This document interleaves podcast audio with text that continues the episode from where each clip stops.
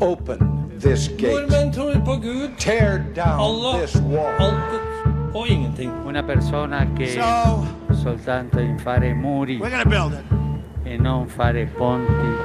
Neste stasjon er Drammen. Hei og velkommen til Ypsilon-samtaler, en podkast fra Kirkelig dialogsenter i Drammen. I denne episode nummer 33 snakker jeg med Signe Myklebust. Signe er født i Sykkylven og vokste opp i en aktiv og sosial familie der. Hun var med på all slags aktivitet som foreldregruppa i nabolaget sto sammen om. Da hun var ti, reiste lærerforeldrene til Etiopia med hele ungeflokken for å gjøre en jobb i Addis Abeba. Og der møtte Signe stor fattigdom i nabolaget der de bodde. Men folks vennlighet og gjestfrihet var enda større. Etter mange års arbeid med Changemaker, Kirkens Nødhjelps ungdomsorganisasjon, rundt omkring i verden, og så senere i dialogsenteret Emmaus i Oslo, kom hun til Drammen med en fersk mastergrad i diakoni for ti år siden. Og her har Signe vært en vesentlig bidragsyter i utviklinga av dialogarbeidet, og bidratt stort til at Fjell kirke er en åpen og utadretta møteplass. Hun arbeider nå som menighets- og integreringsdiakon i tett samarbeid med Forandringshuset og Kirkelig dialogsenter. Signes nettverksbyggende evner og engasjement er helt enestående. Hun har selv vært aktiv i frivillig arbeid i alle år, og sier det er en svært viktig del av livet for henne. Og kanskje er det derfor hun evner å rekruttere så mange frivillige til prosjektene sine.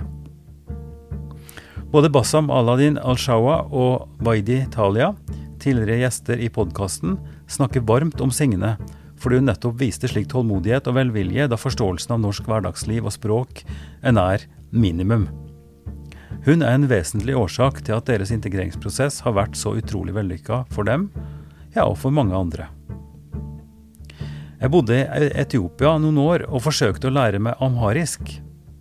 Jeg tror ikke folk forstår hvor urimelig det er å kreve at flyktninger i Norge skal snakke norsk på kort tid, sier hun. God morgen, Signe. God morgen, Ivar.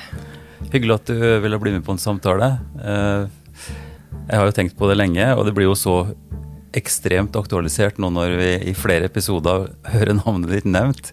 Fra både Bassam og nå fra Waidi sist. Så du har, en, eh, du har blitt godt synlig i, i manges liv. Eh, Når var det vi møttes først, Signe? Husker du det? Ja, du, det husker jeg veldig godt. Det var i juni i 2010. Eh, em, Cirka en halv, to ukers tid før det eh, ringte du meg. Mm. og fikk tapt anrop. Og så fikk jeg tekstmelding eh, der du skrev sånn kort og kontant mm. om jeg kunne ringe deg, og Ivar, Ivar Flaten, sogneprest i Fjell. Ja. Og jeg hadde jo hørt om deg fordi at eh, jeg jobber i dialogsenteret MAUS, ja. som på samme måte som ditt virke gjennom mange år, eh, drev med mm, dialogarbeid interreligiøst. ja. Eh, Så selv om vi ikke hadde møttes, hadde jeg hørt om deg. Så da var det jo bare om å gjøre å ringe opp igjen. For, det, da- for det her var jo en, en fase da du så deg om etter, etter jobb. Ja, jeg var nyutdanna diakon. Mhm. Og jeg ville veldig gjerne bli menighetsdiakon, men ikke hvor som helst. Så det var mitt utgangspunkt, og så ringte du. Så det var starten, og det var starten på et eh, samarbeid og eh, veldig mye spennende som har skjedd eh, siden, som vi har jobba sammen om, både ja, i kirka og på festival og, og forskjellig. Og det skal vi komme tilbake litt til. Men eh, framgangsmåten her i, i Ypsilon-samtaler er at, at jeg starter, prøver å skru helt tilbake igjen til starten. Eh, så jeg har veldig lyst til at du skal fortelle litt om, eh, om oppveksten din, eh, om barndomstida, og ja, og så hadde du jo òg en tidlig opplevelse av å komme som fremmed i et, i et helt nytt land. Så starta det. Syk Sykkylven. Ja, Sykkylva. jo, jeg er jo fra ei Vokste opp i ei bygd på Sunnmøre. Sykkylven. Um, med lærerforeldre som var innflyttere. mm. Og med fire søsken, Ja. så jeg er nest eldst av fem. Og veldig god oppvekst der.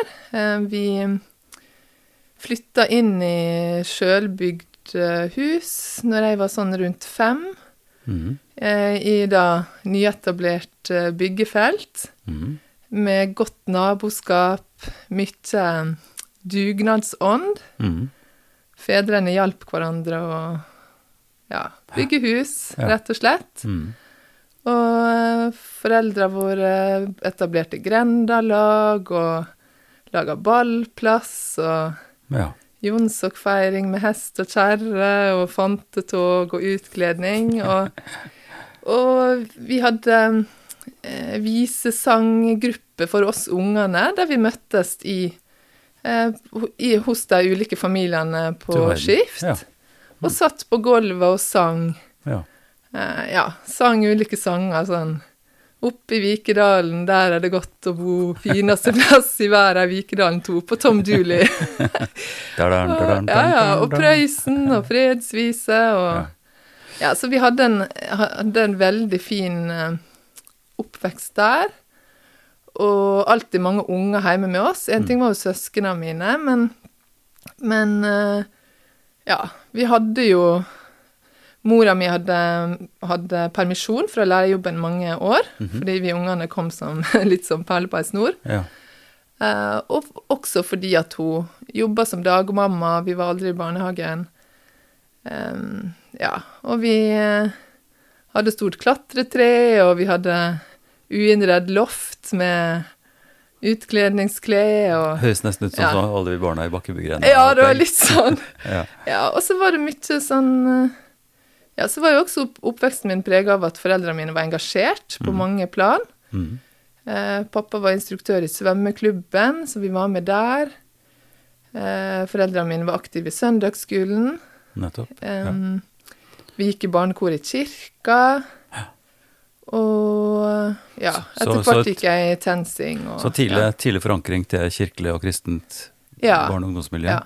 som forklarer litt av starten din for det du er nå, nemlig i, i fast tjeneste i, i kirka. Mm. Ja. Ja, og vi var jo, vi var jo også på mange kristne leirer. Og så var det på et tidspunkt når jeg var sånn omtrent ti, at eh, foreldrene mine kontakta Misjonssambandet, en Ja. stor misjonsorganisasjon. Mm. De var jo aktive i misjonsforening Mm. med folk som hadde vært misjonærer i Japan, ja. og, og brann for arbeidet der, og ja, Forkynning mm. av eh, av eh, det kristne budskapet til verdens ende, ikke sant? Ja. Um, så, så foreldrene mine kontakta Misjonssambandet og spurte om det var behov for lærere på norske skolen i KB i Japan, Jaha. Eh, fordi de hadde lyst å gjøre tjeneste der. Mm. Eh, men fikk da svar at eh, nei, der var det ikke behov for folk, men i Etiopia var det behov. Ja, akkurat. Og da fikk de jo litt sånn bakoversveis for Etiopia. Midt på 80-tallet, sent på 80-tallet, så var det jo svoltkatastrofe, det var jo dette her Band Aid-kampanjen Ja. der Etiopia var i fokus. Mm. Så det var jo mye sånn elendighetsbilde av Etiopia. Mm. Og helt sikkert skummelt å skulle tenke å ta med eh, familie med Hel- fem unger hel dit. røys med unger, ja. Ja. Mm. Men så tenkte de seg om, og, og så fikk vi ungene beskjed da, at nå skulle vi flytte til Etiopia. Og du var ti. Ja, jeg var ti, eller jeg var elleve den, den Ja. sommeren vi flytta dit. Og det, sånn jeg husker det, så bare opplevde vi det som veldig spennende. Og unger er jo veldig tilpasningsdyktige, så når vi kom dit og, og blei bosatt altså først, før det, er ikke sant, pakka ned alt vi eide, Mm. eh, pakka med oss enkelte ting, eh, pakka i sånne sjømannssekker, det høres ut som fra en annen tid, men det var det jo også. Ja, sånne lerretsbager. Ja, ja. Og, og noe sendt som sånn storbagasje som vi fikk etter lang tid, og andre ting som vi bar med oss. Eh, men leide ut huset, kom dit, blei bosatt i på, på tomt som var for med norsk skole, administrasjon for misjonsarbeid i Etiopia, Mm. og trygge forhold. Ja. Eh, I Addis, eller? I Addis Abba, hovedstaden, Mm. som ligger på sånn 2400 ca. over havet, så det er på høgde med Galdhøpiggen, faktisk. Og derfor sånn tynnere luft, ikke sant? Mm. Kaldt om morgenen, kaldt på kvelden og natta, Mm. men veldig varmt eh, midt på dag. Mm. Um, og, og vi bodde helt greit. Jeg husker det var veldig spesielt for mora mi å skulle ha hushjelp. Ja. Men, uh, men det var en premiss, fordi at for å gi folk jobb. Ja. Og også fordi vi hadde jo verken oppvaskmaskin eller kles, uh, klesvaskmaskin. Nei. Så for å få det til å gå rundt, og for at hun også skulle kunne jobbe, eh, så måtte vi det. Mm. Uh, Men eh, Signe, i, den samtalen her så snakker jeg ofte med folk som har kommet andre veien. Mm. Altså de kommer utafra og skal prøve å etablere seg i Norge av en hel rekke forskjellige årsaker. Ofte flukt eller, eller traumatiske ting. Men i ditt tilfelle så kom dere jo på en måte med et type overskudd og skulle var premisset at her skulle dere levere både et godt budskap og, og bidra. Men hvordan opplevde du som eh, barn møtet med det fremmede? Det var jo en slags getto på et vis, da, i og med at dere kom inn i en norsk koloni. På, øh, eller hvordan var det? Hvordan var forholdet ditt mellom det å være trygg i et, en norsk setting i, i Addis, og det å skulle ha kontakt med, med folk rundt og, og, og, og skape venner og tilknytning sånn? Eh, jo, det første jeg har lyst til å si, var at eh, allerede på reisa så forsto vi at Norge var ganske perifert. Fordi jeg husker at, eh, at det var flyvertinne som spurte hvor vi var fra, Mm. og ikke forsto når vi sa Norway. Um, det var når vi mellomlanda i Jidda, Saudi-Arabia. Ja. Så det var veldig rart. Um, og så kom vi til Etiopia. Uh, Blei tatt veldig godt imot. Det var jo Altså, vi bodde trygt og godt. Så vi var to, to tomter for da norsk skole og administrasjon, med, med vei imellom. Så du kan si Det var jo ikke en dag uten at vi på en måte kryssa og på en måte ble konfrontert med vanlig storby hver dag. Mm. Men det var jo ei sidegate, da. Lita gate. Eh, men det som var det som var veldig spesielt og påfallende, var jo at folk som bodde rundt oss, var veldig fattige. Mm. Eh, så, så sånn sett så blei eh, forholdet ganske skeivt. Det var litt sånn um, Vi ble alltid lagt merke til som utlendinger Mm. fordi vi hadde lys hud. Ja. Uh, og så uh, var det ganske ofte at folk tigga. Mm.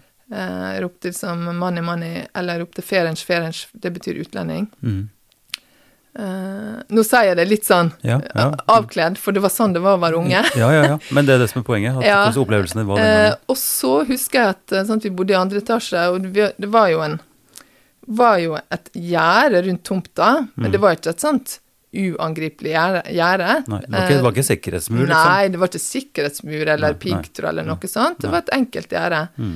Så når vi var i andre etasjen der leiligheten vår var, så husker jeg mora mi sto, kunne stå i timevis og se over til der vanlige folk levde, Mm.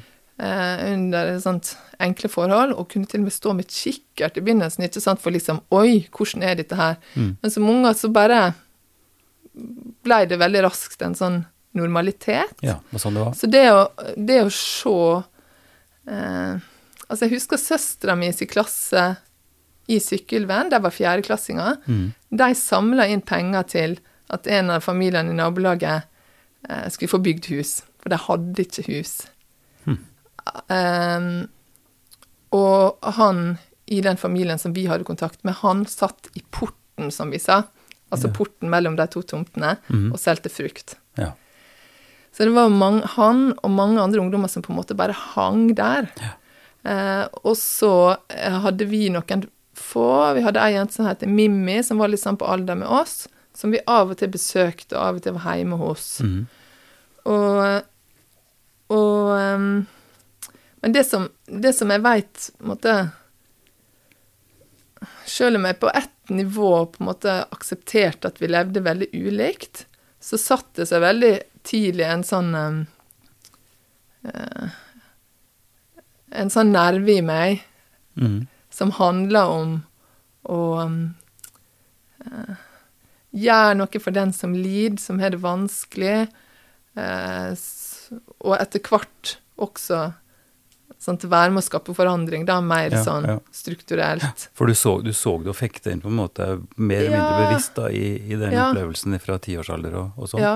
Hvor, hvor lenge var dere der? Hvor gammel var Nei, dere? vi var der fra jeg var 11 til jeg var 14. Ja. Så du kan si i, i de åra så reiste vi veldig mye, for vi besøkte misjonærer som bodde i all slags utkanter, og Etiopia er jo et enormt land Mm. med utrolig mange folkeslag og ulike språk.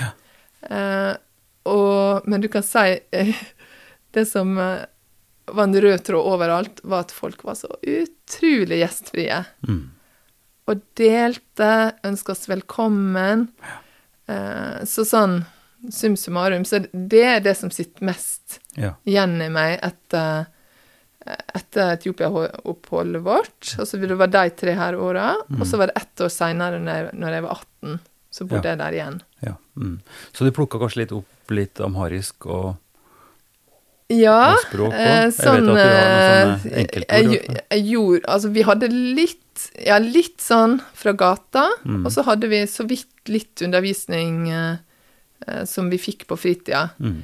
Men ikke sant, den erfaringa av å ha prøvd å lære et språk Mm. som er så Altså, det er ingen likhetstegn mellom det norske og det Nei. amhariske språket. Totalt det er jo- forskjellig språkfamilie og helt forskjellig ja, struktur. det er jo det samme greina som arabisk, hebraisk, semittisk. Mm. Ja.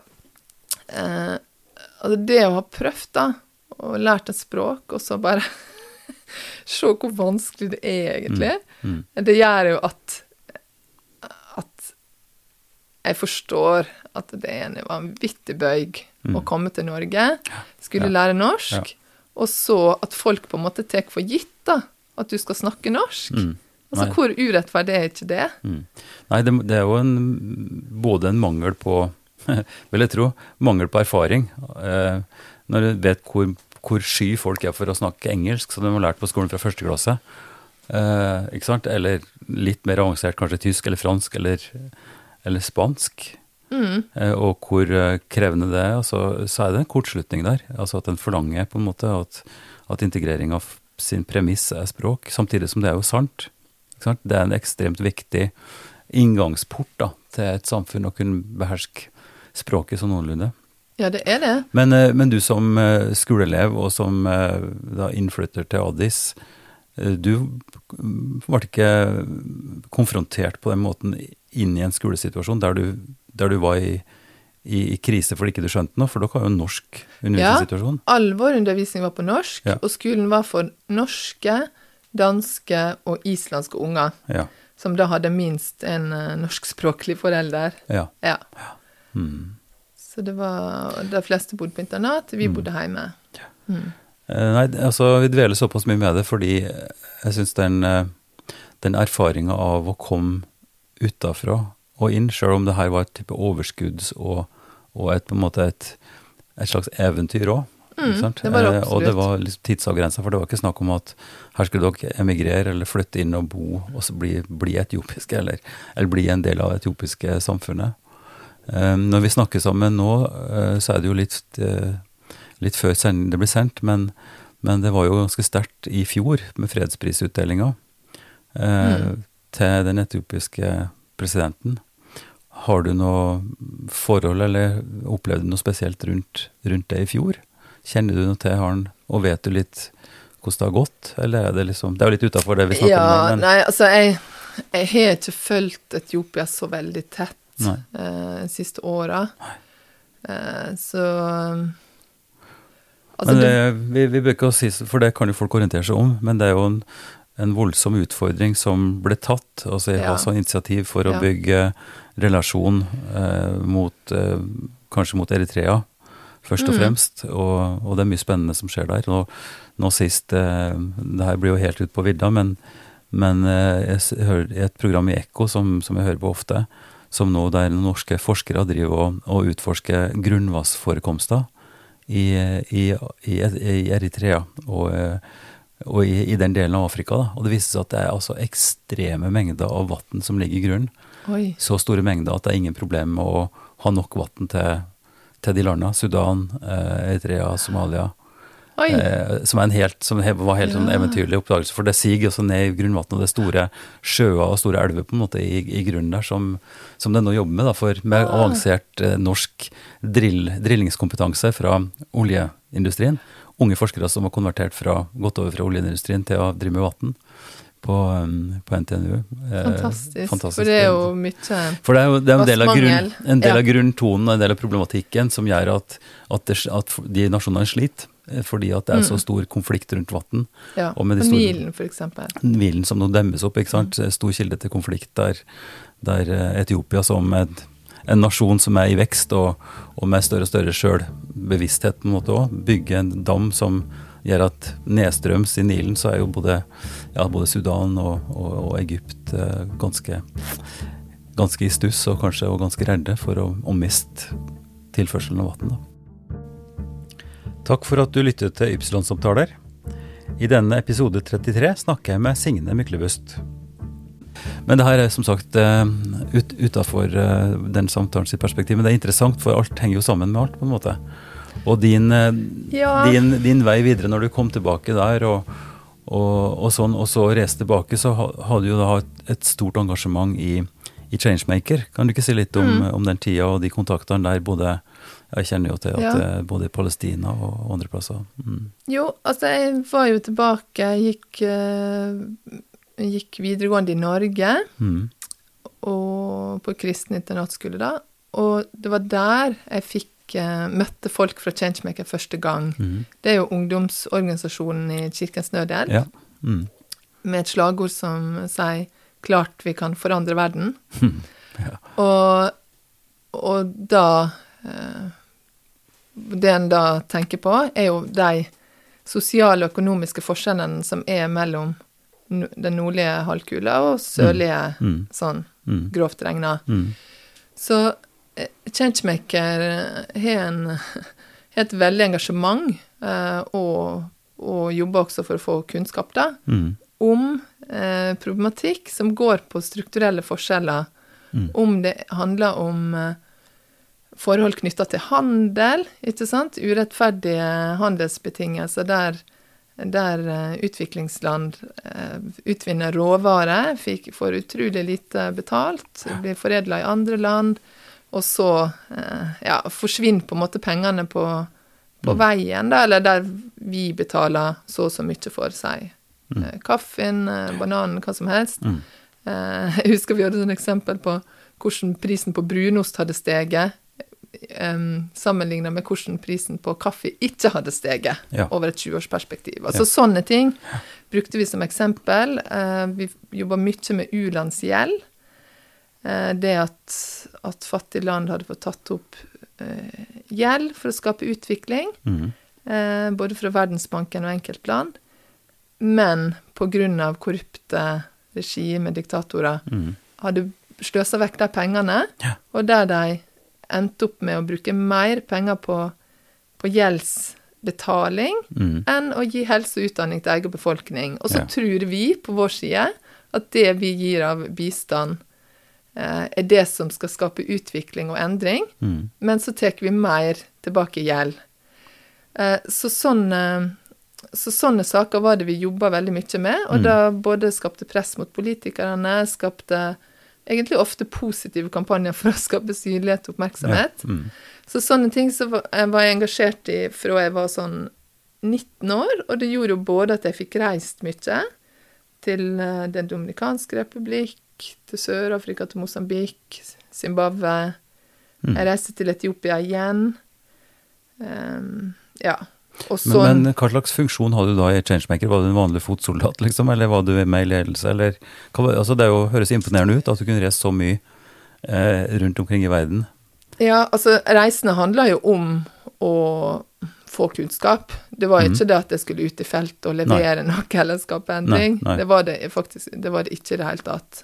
Så du reiste på eget initiativ, eller på egen Nei, vi økonomi, Reist, eller? vi reiste på organiserte turer. Mm. Jeg var med som et litt sånn alternativt folkehøgskoleår, så Ja. var jeg med på noe som het Communication for Change. Ja. Det var det året jeg var ferdig med videregående. Mm. Og da var jeg tre måneder i Dominikansk republikk. Mm. Fikk se sukkerindustrien der eh, på nært hold. Mm. og hvordan folk fra nabolandet der har gitt de Mm. måtte jobbe under slavelignende forhold. Ja. Så der var jeg tre måneder, og så reiste vi da halvåret etter Mhm. og hadde informasjonsarbeid på skoler, konfirmantgruppe, kirke. I Norge. i Norge. Ja. Mm. Så sånn var tankegangen hele tida. Mm. Når jeg reiste til Sør-Afrika og Mosambik, så var det faktisk for å være um, leder for en tur der, der em, engasjerte unge changemakere fra ulike lokalgrupper skulle ut og se og lære. Ja. Og Mm. der hadde vi fokus spesielt på hiv og aids. Nettopp. Og vi jobba for å at em, eh, folk skulle få tilgang til uh, medisin. Da snakker vi fortsatt 80-tallet. Uh, nei, jeg er ikke så gammel at jeg Nei, altså jeg er, helt, jeg er på bærtur med alder. så- Nei, altså den uh, Jeg begynte i Changemaker i 1997. ja, ja, det året jeg fylte 20. Ja, beklager. beklager. Eh, og så var det eh, Så det var slutten av 90-tallet, Mm. første året på 2000-tallet. Ja, ja. Og Kirkens Nødhjelp hadde jo TV-aksjon med fokus Ja. på hiv og aids Mm. eh, i 2001. Ja. Og, eh, og da jobba vi mye med den. Pengeinnsamling, informasjonsarbeid. Jeg husker vi hadde tolv timers eh, aksjon på Egertorget i Oslo, Mm. der vi hadde ansvar for alt av artister, koordinering av program, presse Altså, vi gjorde masse som jeg nesten ikke hadde turt å ha ansvar for i dag. Mm. Men altså, erfaringa fra changemaker og fra frivillighet er jo at, eh, at den vokser så utrolig. Altså, det var jo ingenting som tilsa egentlig at jeg hadde evne eller, eller sånn til å gå inn i det der. Mm. Men du kommer inn i et miljø ja. med engasjerte folk, Mm. eh, folk som er lærevillige, Mm. og så bygger vi liksom stein på stein eh, og skaper ting sammen. Og det, og det mm, eh, Ja, det er utrolig meningsfylt. Mm. Og så fikk vi jo gang på gang også se resultat. Ja. At det var politikere som snudde i saka, det var flere eh, engasjerte som ble med. Mm. Ja.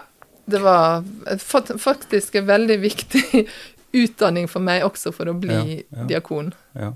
Nei, for det vi, vi må snart over på, på det med lokale erfaringer her i, i Drammen. Men, men du har jo da en vei, som du sa helt til å begynne med, der du var innom Emmaus, Mm. som var forløperen til det som nå er Kirkelig dialogsenter i Oslo, som er en av de fem dialogsentra som nå er etablert. Der, der vårt senter her i Drammen, Drammen altså Kirkelig dialogsenter Drammen er en del av det. Mm, der Men- du er leder. Der er jeg leder nå. Men si litt om uh, hvordan du kom inn i, i, i det arbeidet med Emmaus, sammen med Anne Hege sikkert, og, ja. Ja. og andre. Mm.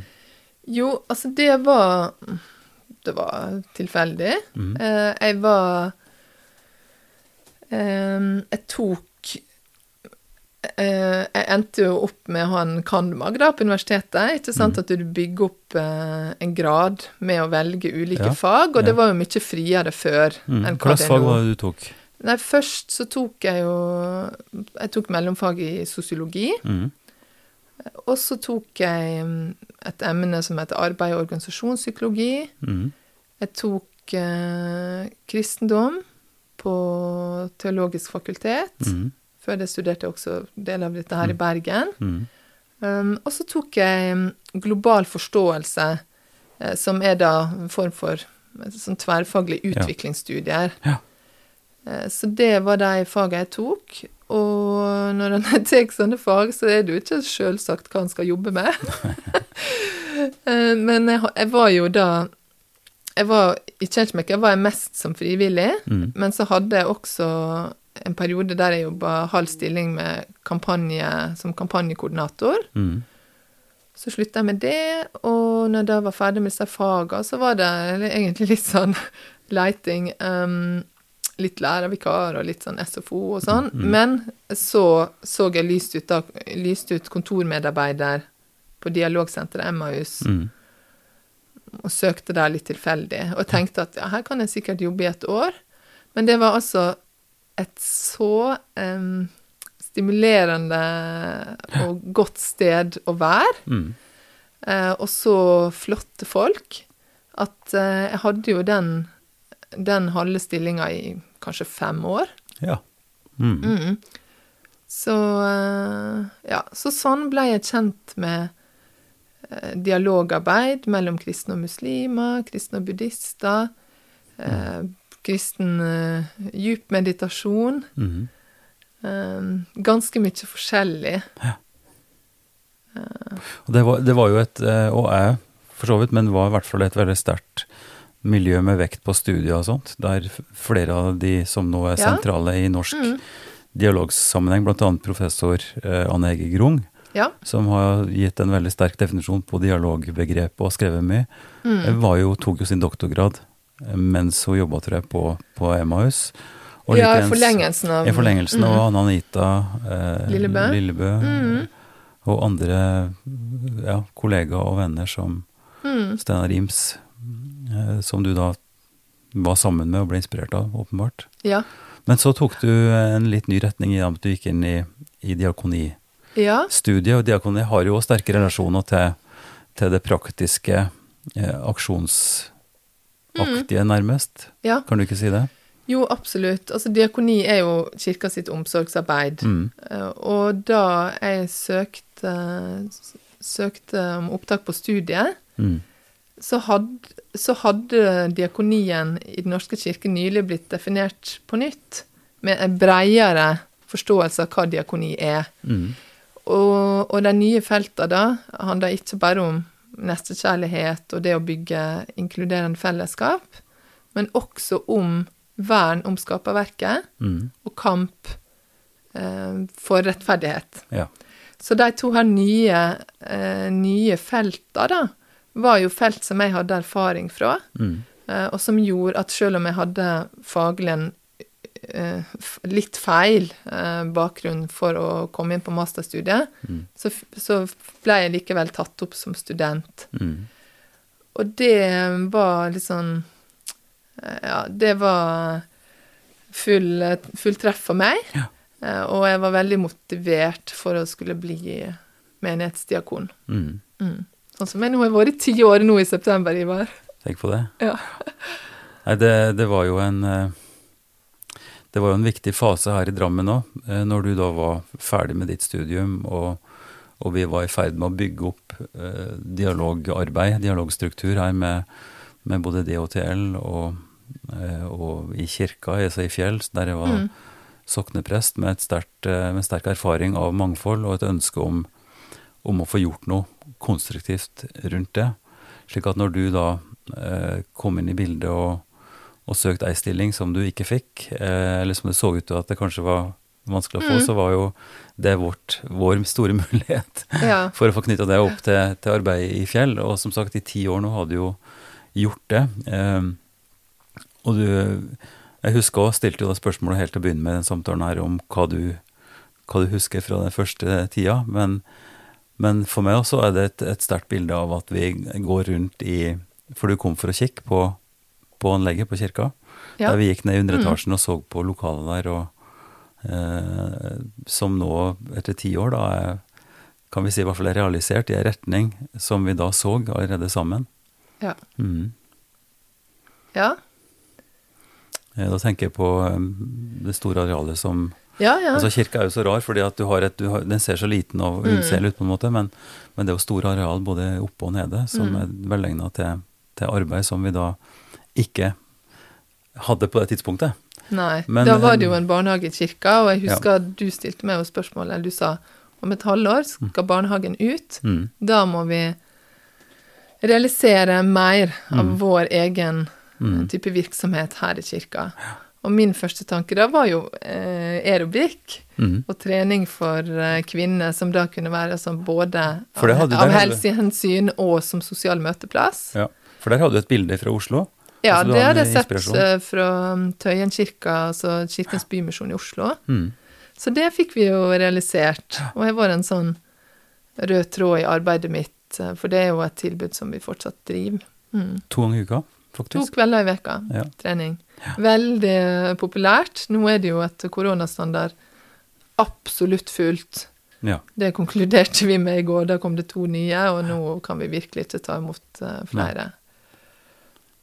Eh, Og det var et, et av flere, for vi var jo aktive når du da eh, kom, så, så prøvde vi å få en finansiering på stillinga di. Vi har jo ikke ressurser nok til full stilling. Mm. men at vi skrudde sammen en stilling av litt forskjellige element. Ja. Kan du ikke si litt om det? Den, de forskjellige delene og hvordan den utviklinga gikk eh, Jo, i de første åra? altså da du, da du kontakta meg, så sa du jo det.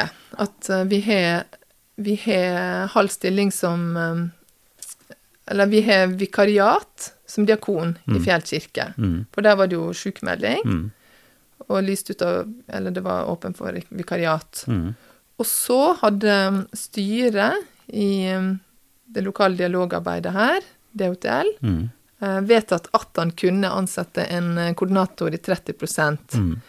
Så derfor hadde dere et tilbud til meg om full stilling i fire måneder. Og når jeg ser på det nå, er det sånn Fire måneder? Hvem sier ja til en stilling i fire måneder? Men det var jo veldig attraktivt for meg da, mm. og, ehm, og jeg sa ja. Og, og eh, i løpet av de fire månedene så jobba jo menighetsrådet var opptatt av at jeg skulle få forlengelse. Mm. Jeg ble jo satt, tatt så godt imot at det var ikke snakk om å ikke søke når diakonstillinga kom, Mm. utlyst som fast stilling. Mm. Eh, Så det gjorde jeg jo, men det var jo 50% Så da var det en, en 20% som du kan si vi mangla da, for Mm. at jeg skulle ha full stilling. Ja. Eh, Men der fikk vi, fikk vi mm, midler gjennom Fjell 2020. Mm.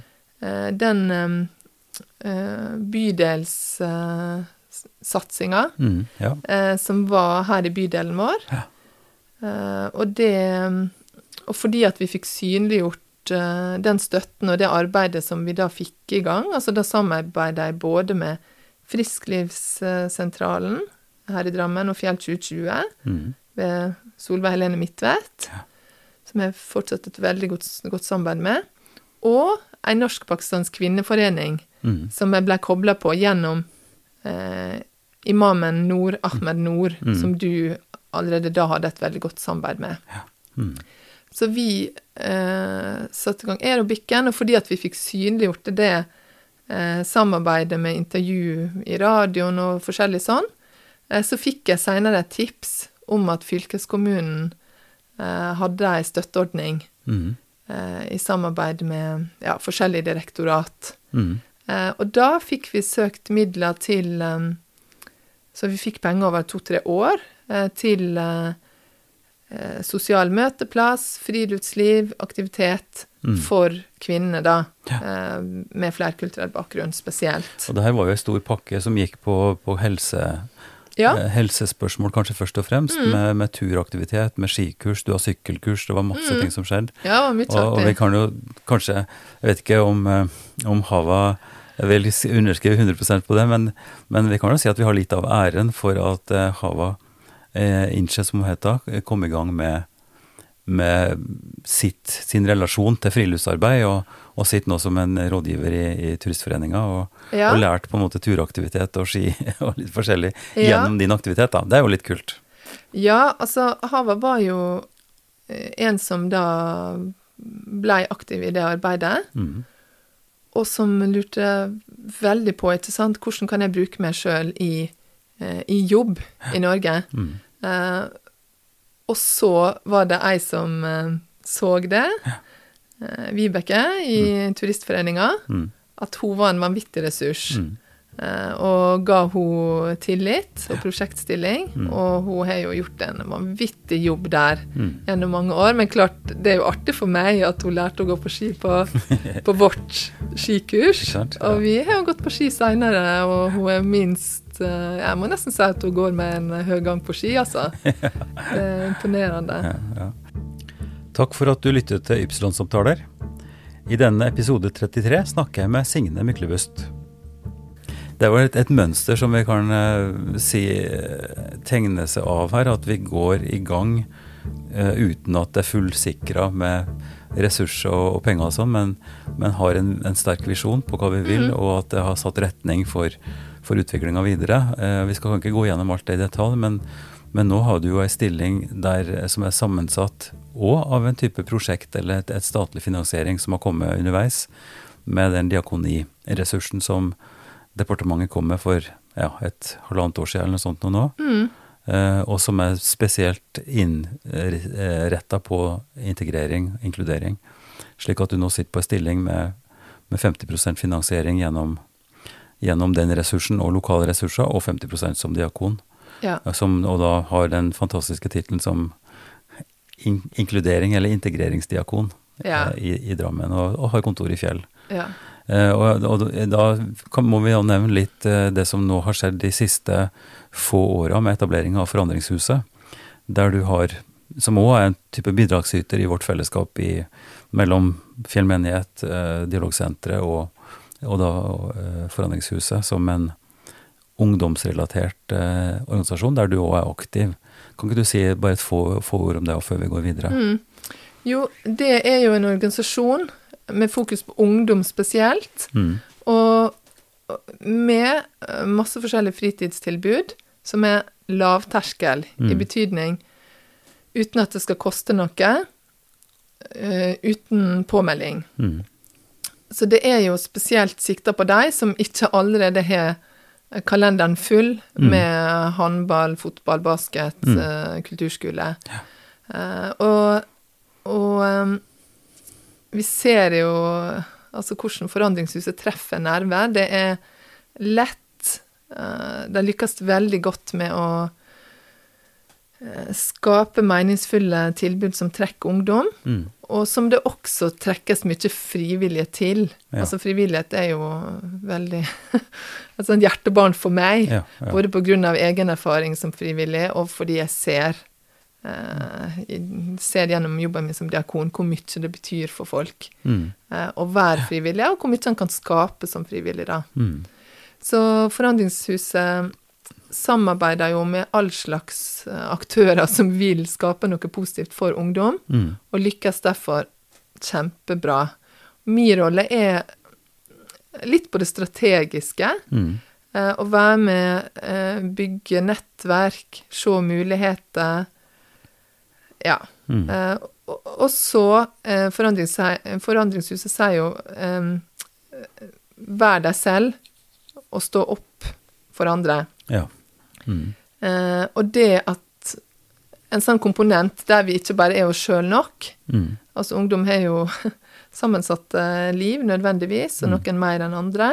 Men likevel å legge til den eh, ingrediensen som er at vi kan faktisk bety noe for andre, Mm. skape forandring, eh, det er jo noe som jeg også brenner spesielt for. Så nå å få markere verdensdagen for psykisk helse, TV-aksjonen, Mm. eh, sånne ting også, altså både gjennom kirka og gjennom eh, eh, Forandringshuset, da. Det er Mm. sånn som jeg jobber for. Og det er òg en nøkkel til neste, neste delen som jeg har lyst til å gå inn på, som vi kanskje bruker resten av tida på. Det er jo nettopp den, her, den egenskapen du har, og den visjonen du har på frivillighet og, og nettverksbygging, eh, som har satt spor eh, både for Fjell menighet, men òg i, i bydelen og i de kretsene du, du ellers går. Uh, og det eksempelet er jo veldig tydelig nå i de, i de tre timene av samtaler som vi har hatt uh, både med Bassam da, og, og, eh, og Vaidi, som ikke nok kan få understreka den verdien det har å, bli sett og få hjelp til å, å finne et fotfeste, altså helt på konkret, enkelt vis.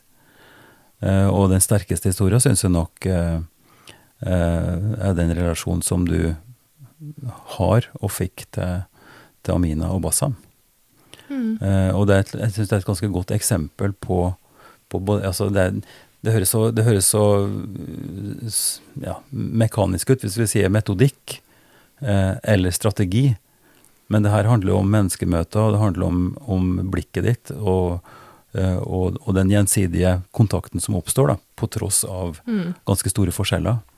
Men eh, siden Bassam har fortalt mye, og, og Waidi òg, så tenker jeg at eh, kunne ikke du ha fra din vinkel eh, sagt litt hvordan det der funker? Altså, eh, vi, vi er jo òg i, i Fjell heldige at vi har en kjempestor stab med, med frivillige. Ja. Relativt sett med enhetsstørrelsen så er vi vel en av de absolutt største på det. Ikke sant? Har en egen frivillighetspris, og det er ikke måte på. Eh, Men hva er det, hva du, på hvilken måte tenker du, hva du driver med, hva gjør du for at det her skal kunne skje? Altså For det første så tror jeg jo at jeg sånn fra oppveksten av, og kanskje faren min spesielt, eh, har jeg sånn nysgjerrighet på folk. Mm. Eh, og så har jeg jo også opplevd både i Etiopia, altså hva det betyr å bli ønska velkommen, Mm. og så også Altså, jeg hadde et år eh, i slutten av 20-åra der jeg var utbrent, veldig sjuk. Mm. Eh, hva det betydde å bli sett. Mm. Eh, og det at noen gikk små skritt Mm. med meg, Mm.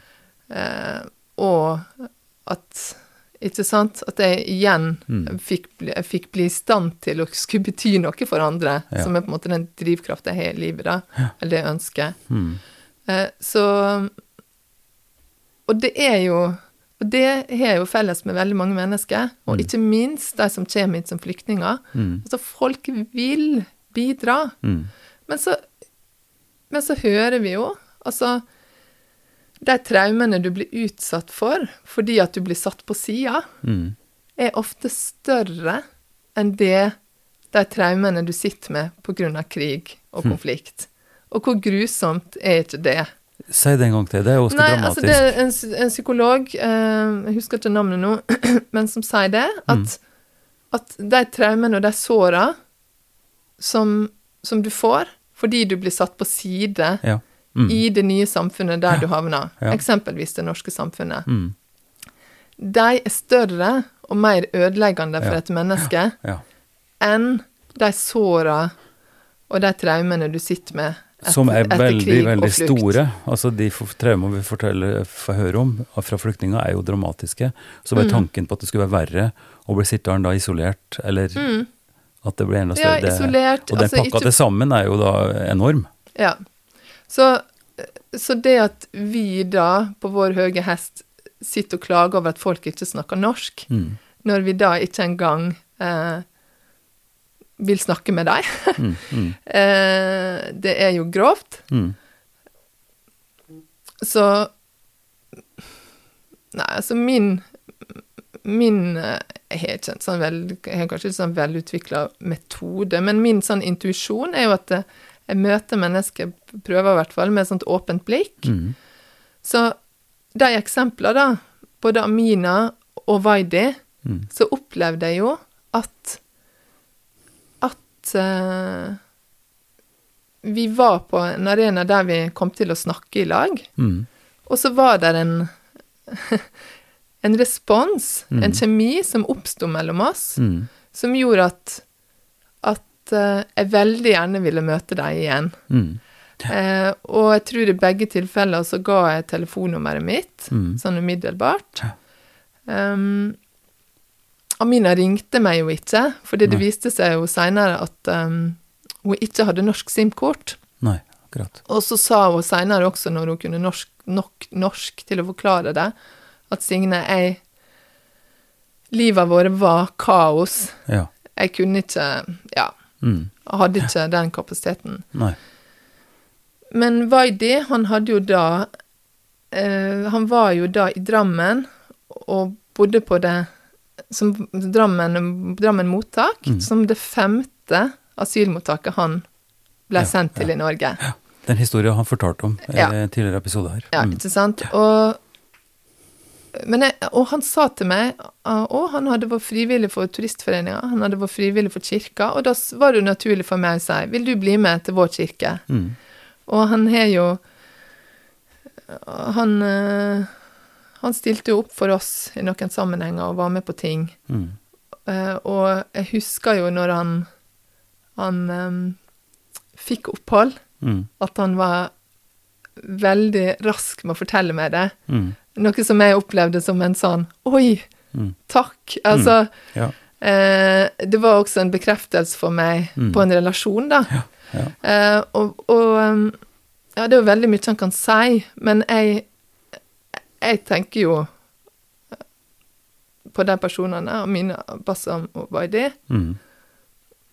at OK, de kan bruke store ord om meg, Mm. men hva de har betydd eh, for meg, og Ja. min, min um, vår, Min og vår eh, vår mulighet til å utvikle vårt Mm. hva skal jeg si, integreringsarbeid.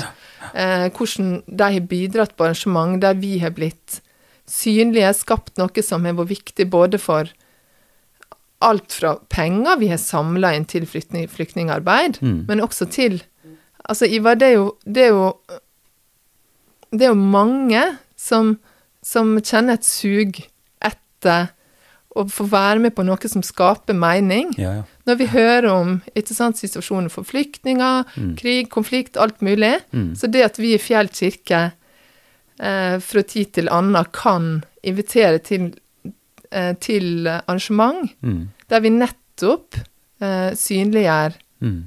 eh, flyktninger, Ja. det gjør jo at eh, at det, det, det gir så mye. Mm. Ja. Og så tenker jeg for meg personlig, da. Mm. Hvem hadde jeg vært i dag? jeg var jo, jeg var jo når jeg ble kjent med Amina Bassam, så, så var jeg jo ganske nyinnflytta på Fjell sjøl. Mm. Og, um, og jeg hadde ikke Jeg bodde alene, jeg hadde ikke så nære venner i nabolag eller sånn. Så, så det at uh, Amina Bassam liksom begynte å invitere meg hjem til seg hver dag Ikke sant? Um, det var jo en vanvittig gave for meg. Mm. Så um, ja. Det er en, gjens, en gjensidig berikelse og en gjensidig gave, som du sier, for begge to. For, for det som Bassam spesielt la vekt på, det var jo den her med eh, tålmodigheten til å kunne akseptere at det er tungt å lære seg et nytt språk. Mm, ikke sant? Og, og drive med sånn Google Translate og altså når du kunne si merhaba eller, eller Mm. eh, noen sånne få arabiske ord, så, så var det en sånn bekreftelse og en sånn, nesten en sånn elektrisk impuls til dem, at, at et menneske kunne faktisk prøve seg litt på det språket som de kunne. Og den Ja. voldsomme asymmetrien som eh, når du behersker et språk og er, kanskje skriver, ikke sant, er poet og, og sånn, og så plutselig blir du fratatt alt. Du skal begynne å skrive andre veien. mm, Jeg tenker bare på sånne Ja. ting. Hvis vi prøver å skrive eh, fra, fra høyre mot venstre Ja. eh, i et alfabet som har helt andre kroker og svinger, ikke sant? Eh, Ja, uforståelig. det, er, det er helt uforståelig at, at en fire-fem år så snakker så faktisk så imponerende godt norsk. Så jeg syns det der er en Men at hvor, hvor stor vekt det samspillet det har da med det, det, det personlige eh, vennskaps- og relasjonsforholdet, eh, som gjorde jo at Og det er jo det er jo en, Du sier at det var en gjensidig glede og, og gave, men at du, at du tok dem inn, at de flytta over til deg. Det har du Mhm. skrevet om i avisa, en veldig rørende tekst fra den gangen, om, om eh, forholdet til de personlige, og hvordan Og da kom du jo litt inn på det her med for, for forskjellen i, i religiøs tilknytning. Det, er jo, Mhm. det er jo til dels noe nokså hatske eh, ord i, i presse og sånn mellom Altså overfor islam som en sånn eh, farlig, farlig religion. Men det er ikke akkurat det inntrykket du har etter møtet med muslimer.